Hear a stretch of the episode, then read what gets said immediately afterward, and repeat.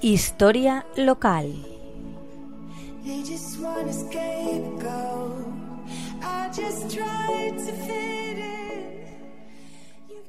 Buenas tardes, amigos y amigas de la Teua Radio.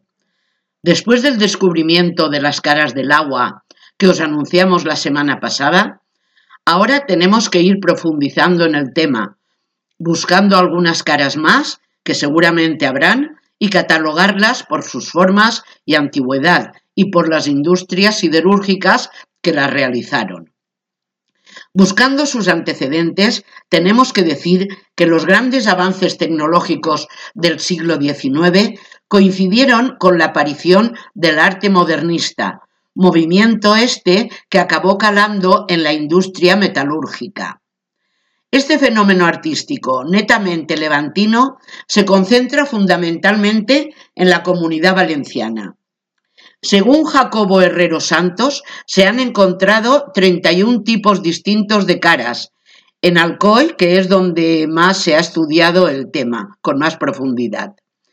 Estas bajantes de hierro presentan una boca que tiene unos 15 centímetros de altura y un diámetro más ancho que el resto del tubo.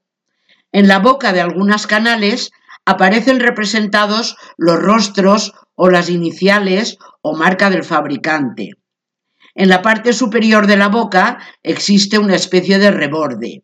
La canal se sujeta a la fachada mediante dos argollas metálicas, una situada debajo de esta boca y otra en su zona inferior, casi llegando al suelo.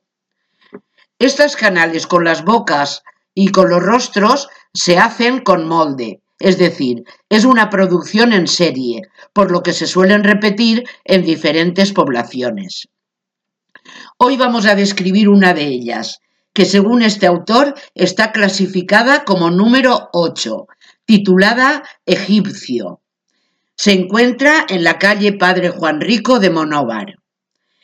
Es un hombre joven, de rostro redondeado, con los ojos almendrados, nariz ancha y alargada, boca pequeña y labios carnosos. Las orejas son grandes y despegadas de la cara. Podría ser un alto relieve.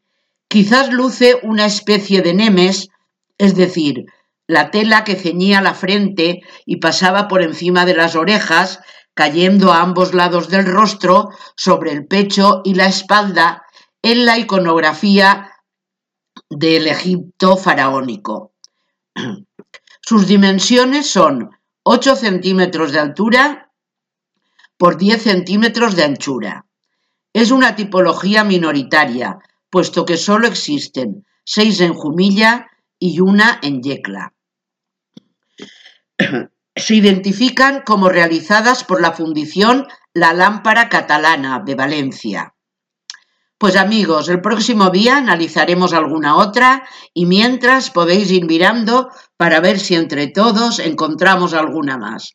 Hasta la semana que viene, un saludo muy cordial.